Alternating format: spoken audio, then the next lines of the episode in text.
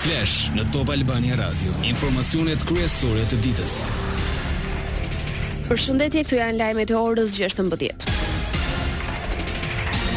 Të shtëna me armë zjarri në Laknas të Kamzës, një viktim dhe një i plagosur, një konflikt për motive pronësie mes fqinjësh përfundoi me vdekjen e një 55 vjeçari i identifikuar si shtetasi Shefqet Hasa si dhe u lëndua Besim Keça, i cili u dërgua në spital. Ndaj tyre qëlloi me armë një shtatëdhjetë vjeçar. Policia prangosi autorin e dyshuar, Maliq Marku, e vijon hetimet.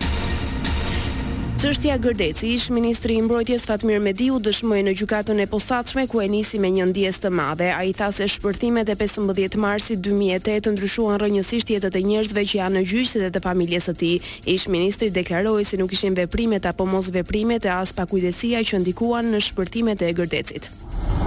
Për viktimat e Gërdecit, Mediu cilësoi fajtor shtetin. Ai theksoi se do të donte shumë ta zhbënte atë ngjarje, por tha se tani i ngelen vetëm keqardhja e ndjesa. Mediu nënvizoi se rihapja e çështjes e vazhdimi i këtij gjykimi janë në kundërshtim me ligjin, teksa shtoi se dëshiron të besojë që kjo çështje nuk është e nxitur politikisht. Ish-ministri akuzohet për shpërdorim detyre kryer në bashkëpunim me zinxhirin komandues ushtarak. Lajmet në internet në adresën www.topalbaniaradio.com. Gazeta greke Kathimerini publikoi tri kushtet në çështjen Beleri që Greqia na ka vendosur për të pranuar hapat e ardhshëm të anëtarësimit të Shqipërisë në Bashkimin Europian. Greqia kërkon që kryebashkiaku i zgjedhur i Himarës, Fredi Beleri, të marrë detyrën menjëherë, të respektohet e drejta e tij për një proces të drejtë si dhe prezumimi i pafajësisë. Kushtet greke bazohen në një deklaratë me shkrim të depozituar në Komitetin e Përfaqësuesve të Përhershëm dhe iu bashkëngjiten letrave të dërguara në Tiranë e në Shkup nga njëzet e shtatë vendet e Bashkimit Europian për hapjen e pesë kapitujve themelorë të negociatave. Greqia pretendon se parandalimi i betimit të Belerit pasqyron përbuzjen e qeverisë shqiptare ndaj parimeve themelore të shtetit të së drejtës.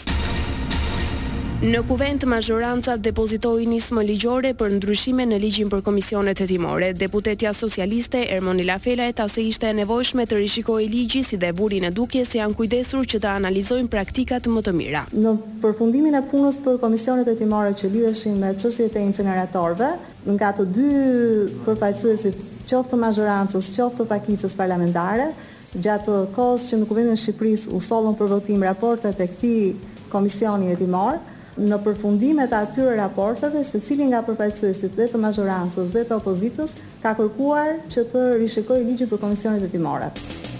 Për pjesëmarrjen e opozitës, Felaj shtoi. Sidoqoftë disa herë ne kemi bërë thirrje në fakt opozitës, në konferencën e kryetarëve, edhe thirrje në dalje të ndryshme publike që ato të sillnin anëtarët e tyre dhe të çohej përpara puna për rishikimin e ligjit për komisionet hetimore. Thirrja jonë me sa duket ra në vesh të shurdhër sepse opozita ka depozituar dhe ka ngelur tek ai depozitim në fakt një produkt të njëanshëm pune.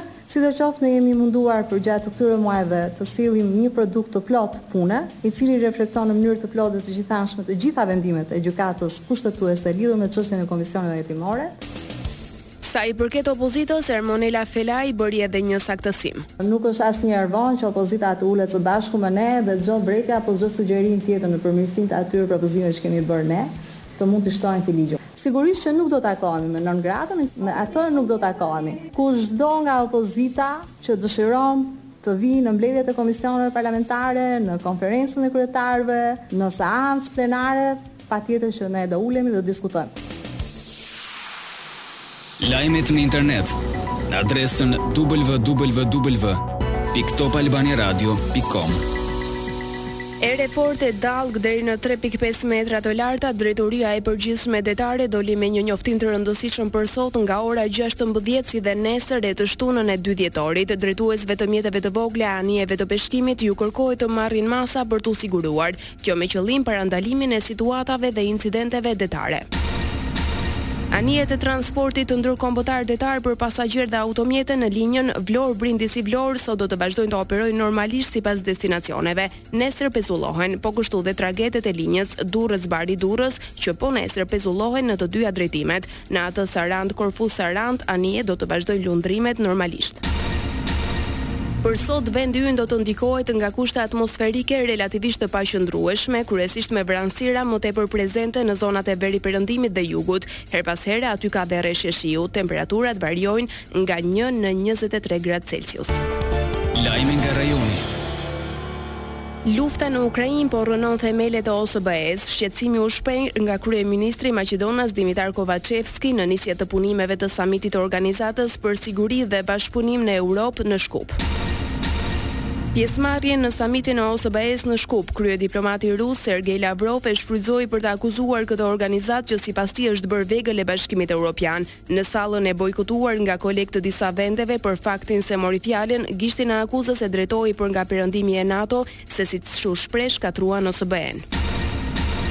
Ndihmës sekretari amerikan i shtetit për çështjet europiane dhe euroaziatike, James O'Brien i bëri thirrje Rusisë t'i japë fund shkeljes së parimeve të OSBE-së. Zyrtari i Uashingtonit theksoi se pavarësisht shteteve që janë përpjekur të bllokojnë punën e organizatës, OSBE-ja do të vazhdojë të funksionojë. Lajme nga bota.